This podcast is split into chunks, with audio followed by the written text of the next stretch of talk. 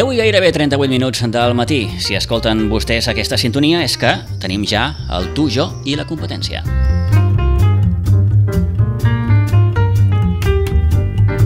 Ja tinc en pantalla a la Carola Fernández de nou. Carola, bon dia de nou. Hola, Pitu, bon dia de nou. Escolta'm, quasi acabem plorant tots, eh? Amb l'Eduardo.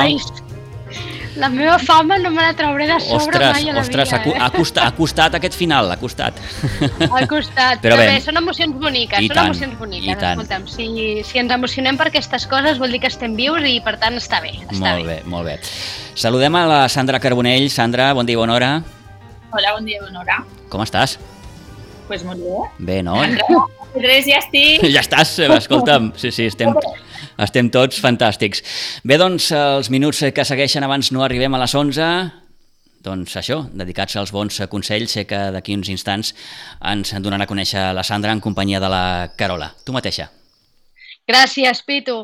Doncs sí, Sandra, què tal? Benvinguda de nou. Gràcies.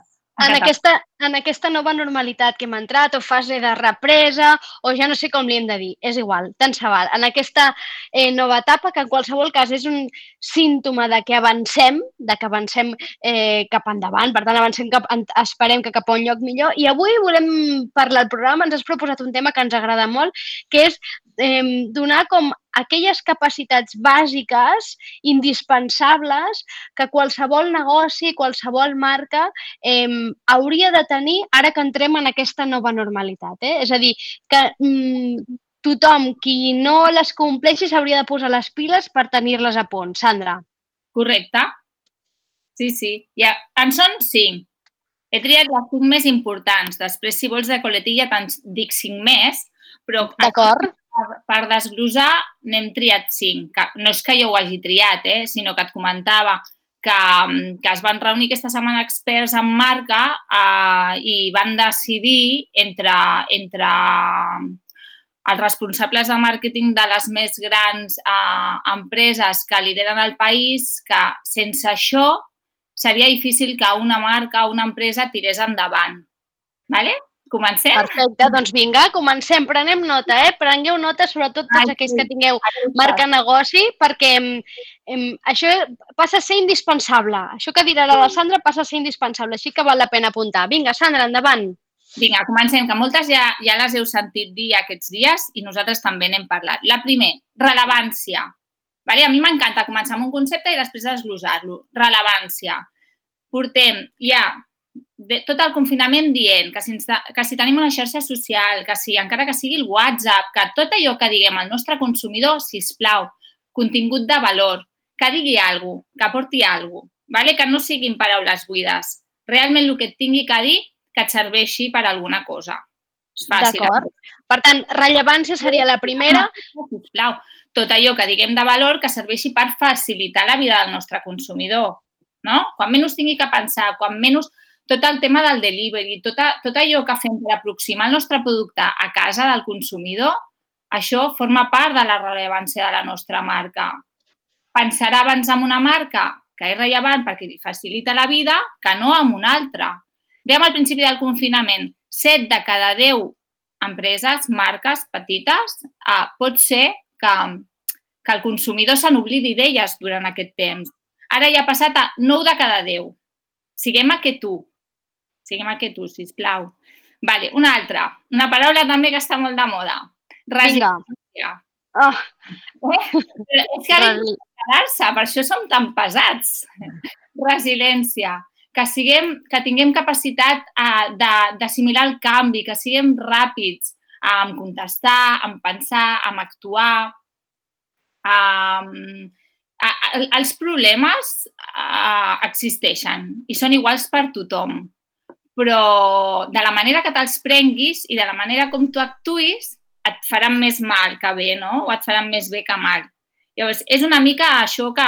Eh, ara, clar, no em podeu veure, però faig així amb les mans, no? De, vinga, go, go, go, no? Pues és una mica aquesta, aquesta vidillar, doncs, sisplau, resiliència. Problema, solució. Problema, solució. És una era pràctica. Doncs vinga, ja tenim rellevància, és a dir, que allò que diguem eh, tingui utilitat, eh, per tant, no paraules buides, que de vegades ens pensem que a les xarxes posant unes paraules boniques ja n'hi ha prou. No, aquestes paraules han d'aportar contingut, no es tracta només de posar paraules boniques, boniques perquè l'usuari ho capta capta mm. quan darrere la paraula hi ha alguna cosa o quan darrere la paraula eh, no hi ha res.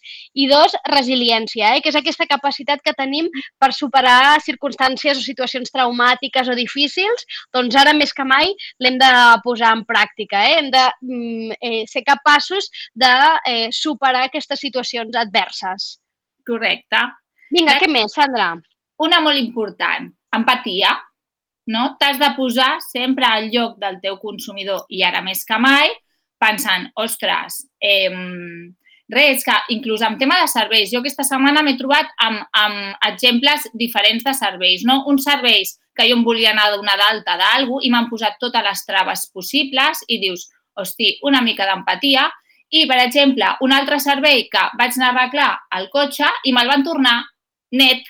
O sigui, me l'havien netejat i tot, que dius, la meva expectativa no era aquesta, però a on tornaré jo a que em posin oli al cotxe? Amb aquest... Doncs, uh -huh, queda clar. Més servei del que jo esperava, no? Perquè sabien que el portava a tope brut, perquè no hauria tenir temps d'anar a buscar, a netejar-lo o el que sigui. Pues, aquestes coses són importants tenir en compte. Empatia amb el teu consumidor. Perfecte. Anem a per la quarta. Sí. Compromís. I aquí m'agradaria extendre'm una mica perquè és un tema que, que últimament um, crec que anem molt encaminats cap aquí i és cap al compromís social vale? i cap al compromís medioambiental. Ja sé que als negocis petits moltes vegades els hi costen els canvis i més en aquest canvi de paradigma, de dir anem a pensar en global més que anem a pensar en petit. Però és veritat que, que el valor afegit però ha de ser un valor autèntic, eh? el valor afegit del vostre negoci eh, envers eh, la sostenibilitat, envers el planeta, envers eh, un comerç just, envers un comerç ètic. Tot això és el que es quedarà. De fet, sortia un estudi també aquesta setmana que el 78% dels consumidors encastats, i era una mostra enorme eh, a nivell mundial que s'ha fet durant la fase 2, eh, estan decidits a comprar abans una marca sostenible o una marca de comerç just o una marca que, d'alguna manera, eh, tingui un compromís social que una altra marca que ven producte pur i dur. Llavors, això, com a mínim, el que ens ha de fer és que ens plantegem el nostre negoci eh, a nivell social té, a, està fent alguna cosa, és a dir, estic comprant doncs, producte que em fabriquen aquí al costat, o sigui, no fa falta que tirem d'economia circular, perquè sé que és molt difícil. O el, el, les bosses que faig servir són bosses reciclades. Eh, L'aigua que faig servir o, o l'energia que faig servir al meu negoci, quin tipus d'energia és? Eh, sisplau, és que a vegades comença per anar a la feina caminant en bici i deixant la moto. O a vegades començ... No, petites coses. Uh, reciclo a la meva botiga? Mm, estaria bé, o sigui, d'un exemple. I és algú que tinc una caixa a la meva botiga on te dic, si ja no usas eso, tráemelo, que yo lo reciclo, no? Li estàs facilitant la feina al teu consumidor perquè ve allà, et deixa una cosa i de pas potser et compra. Tots aquests petits actes sumen. I per quan... tant, tot això, Sandra, s'ha de posar en valor i entenc que probablement hi haurà molts mm, petits negocis, marques, empreses que ja ho fan, però no ho expliquen. Correcte.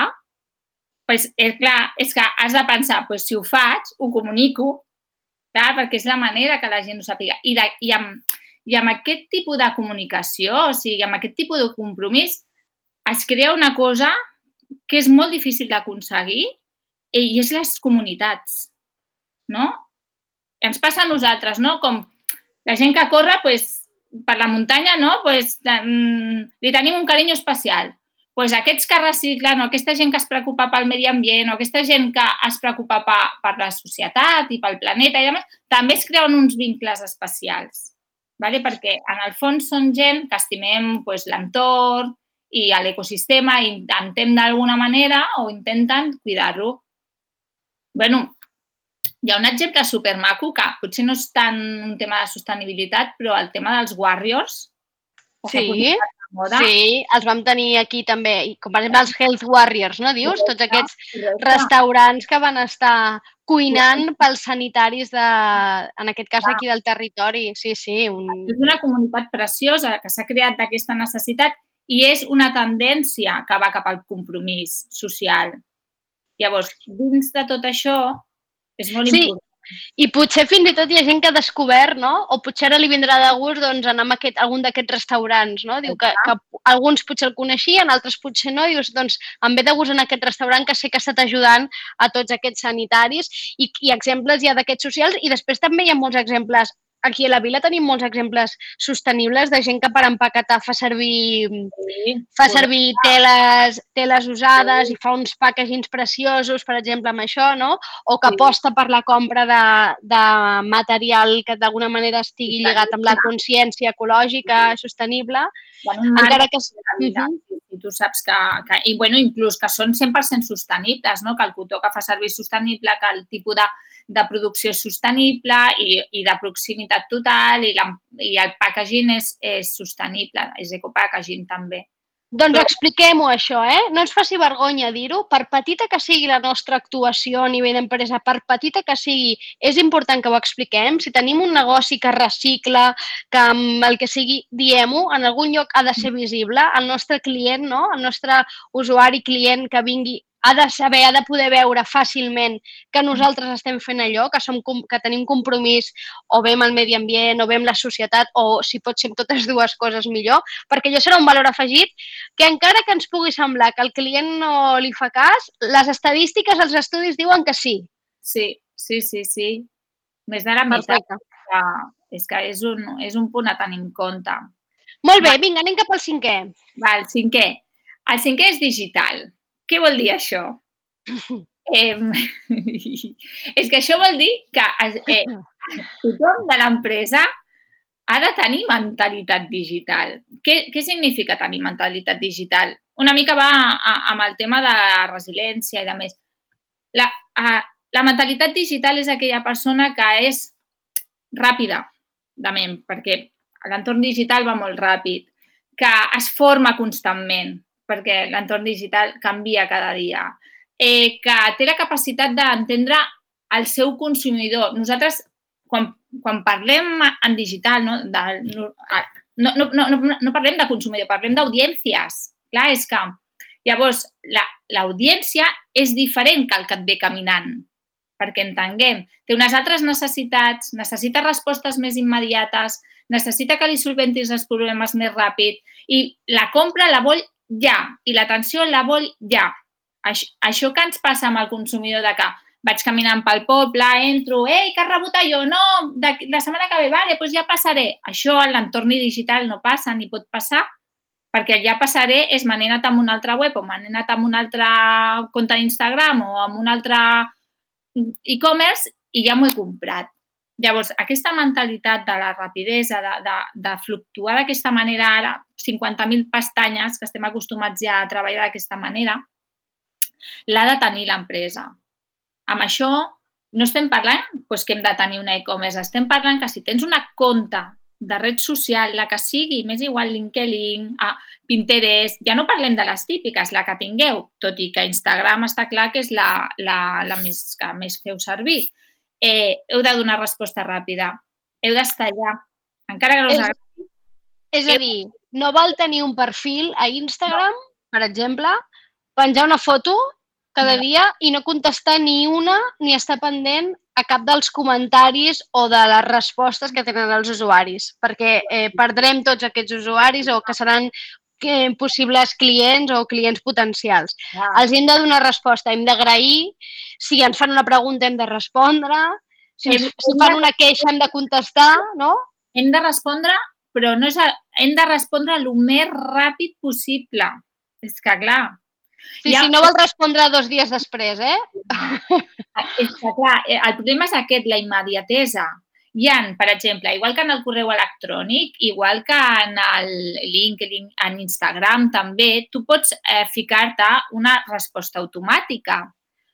Sota el meu parer, és molt millor fer una resposta automàtica amb el teu to, eh? No sé, vale, en, en 42 horas te contestamos. No. Ostras, gracias por preguntarlo. Antes que pueda me pongo en contacto contigo. Bueno, pues en castellà, perquè com que la majoria estan en castellà, però, però vull dir, una resposta i com a mínim per al cop. I amb aquella persona segur que durant aquell dia almenys t'espera. Per tant, per tant, segurament s'hauria de crear un hàbit, és a dir, en el moment en què tenim un perfil a alguna xarxa social, ens hem de crear un hàbit diari de, en algun moment del dia, en algun moment de la nostra jornada laboral i d'aquest dia, gestió hem de dedicar, hem, exacte, gestió de temps, hem de dedicar una estona a mirar aquell perfil i a contestar les possibles preguntes, etc etc. Hem de fer-ho, que pot ser un moment del dia, dos o tres, cadascú decidirà el temps que hi pot dedicar, no? Però l'hem de dedicar, no podem, el que dèiem, perquè és una mica perdre el temps i, i, i, i, i perdre esforços, no? Tenir un perfil per no fer-li cas i només penjar una foto de tant en tant no serveix de res. Potser fins i tot resta, Sandra, o què? Sí, sí, realment no tens activitat només quan a tu convé, eh, resta molt, perquè no estàs allà perquè tu convé, es pas per facilitar-li la vida al teu consumidor, per apropar-te a ell, crear sinergies i, i al final, si, si us caieu bé i hi ha un, hi ha un feeling, et compren, perquè és que no és tan fàcil avui en dia. Clar, no és garantia de res tenir un perfil en absolut. Eh, amb tot això, eh, és, o sigui, jo, la meva recomanació és que, com a mínim, la gent es plantegi que part del seu horari laboral, que quan ets empresari ja sabem que no tenim horari, eh? però part de la teva gestió d'empresa, que també sabem que no tenim horari, però bueno, hem d'anar posant totes les coses, eh, hauria de ser com a mínim una hora, mínim, eh? Una hora en la gestió d'una red. Una hora. Ja sí. és que això de les xarxes socials, al principi tothom s'ho prenia com un joc, això és un mires per passar l'estona, no sé què, i de sobte quan hi entres i, i a sobre mm, t'hi vols dedicar o vols dedicar part de la professió, te n'adones que és una feinada, que és una feinada considerable. I encara que algú pugui, li pugui semblar que perda el temps, doncs no, ho ha de veure com una inversió, forma part de la inversió del, del negoci i això a mig llarg termini i fins i tot a curt termini doncs, eh, té repercussions al, al negoci i positives si es fa una bona gestió, clar. Clar, és que quan tu vas a la botiga ets esclau no, de l'horari de la botiga, però aquí la gràcia que té la digitalització és que et pots connectar des d'on sigui, però segueixes sent esclau del teu negoci, clar, perquè eh, l'has d'alimentar. Llavors, punts positius, ho puc fer des d'on te vulgui. Ningú sabrà d'on estic. Pot llevar al matí i aquella hora, primera hora del matí, faig el cafè, vaig al lavabo, faig coses, estàs allà. perquè Prèviament, ja, com que ja tens una estratègia establerta, ja saps el que has de penjar. Eh, però però a, a l'hora de contestar, eh, heu de dedicar-li el temps el abans possible. Què vol dir? Que de dilluns a diumenge, si t'escriuen, tu has de contestar tu has de contestar el abans possible i que no passi un dia, si plau. No I en aquí recomanem molt aquesta gestió del temps que ens ha parlat moltíssimes vegades la Sandra, sobretot per no tenir aquesta sensació d'esclavitud, eh? de que estàs tot el dia connectat, que tampoc no és l'objectiu. És a dir, al final té que haver moments per tot, per la feina, però també per l'esbarjo, per tothom, per tots els negocis. Per tant, si tens una bona gestió del temps i saps que hi dediques aquella hora o aquella estona a això, doncs la resta te'n pots desentendre. I això també està bé, perquè si no també passa aquells casos, Sandra, en què vivim enganxats al mòbil sí, i tampoc no es tracta d'això. Exacte, però està molt bé també perquè com que després d'aquest de, temps que hem estat confinat, que el consum dels mòbils, no sé si vosaltres ho veieu, però jo ho tinc posat, no?, el consum diari, sí. ha pujat. Però, una barbaritat. Una sí, barbaritat. Sí. Eh, està molt bé també que siguem conscients les hores que passem i les hores que són productius. També et surten al mòbil i et diu hores de creativitat, hores socials, hores, no? Llavors, inclús et segmenta amb què has, i que siguem conscients que, ostres, igual has estat 3 hores xafardejant i en veritat mitja hora només dedicat a la creativitat de la teva empresa. Sí, i això ens ha de fer canviar una mica, potser, les, les directius. Sandra, ens queda un minut. Ah, doncs res, no. Vinga, ens queda alguna capacitat d'aquestes Sí, em vaig a dir cinc, però les dic i ja vosaltres les desenvolupeu. Confiança, transparència, autenticitat, col·laboració, aquesta faig, faig incís, eh? Col·laboració i imaginació. Imaginació. Eh, totes estupendes, eh? col·laboració, entenc que parles de col·laboració entre negocis. Correcte. Sandra? Google i Apple s'han ajuntat per crear un nou producte i un nou servei. Si dos competidors d'aquesta magnitud han sigut capaços de col·laborar entre ells per anar a un servei millor, els petits comerciants, òbviament, es poden juntar. Escolta'm, i casos com aquests hem vist recentment, que l'altre dia entrevistàvem el Pocholo, i ara hi ha diversos casos a Sitges de negocis que han fet sinergies a Sitges per tractar de sortir d'aquesta situació. Per tant, eh, no sé si t'escolten o no, Sandra, però com a mínim apliquen els teus consells. Gràcies. Moltes gràcies, Sandra, moltes gràcies, Carola. Eh, retrobarem retrobarem l'espai d'aquí 15 dies, si no, si, si no m'erro. Eh? Que vagi molt bé i que tingueu bon cap de setmana. Gràcies. Moltes gràcies, Pitu. Gràcies, fins la propera. Adeu. Adeu, adeu. adeu.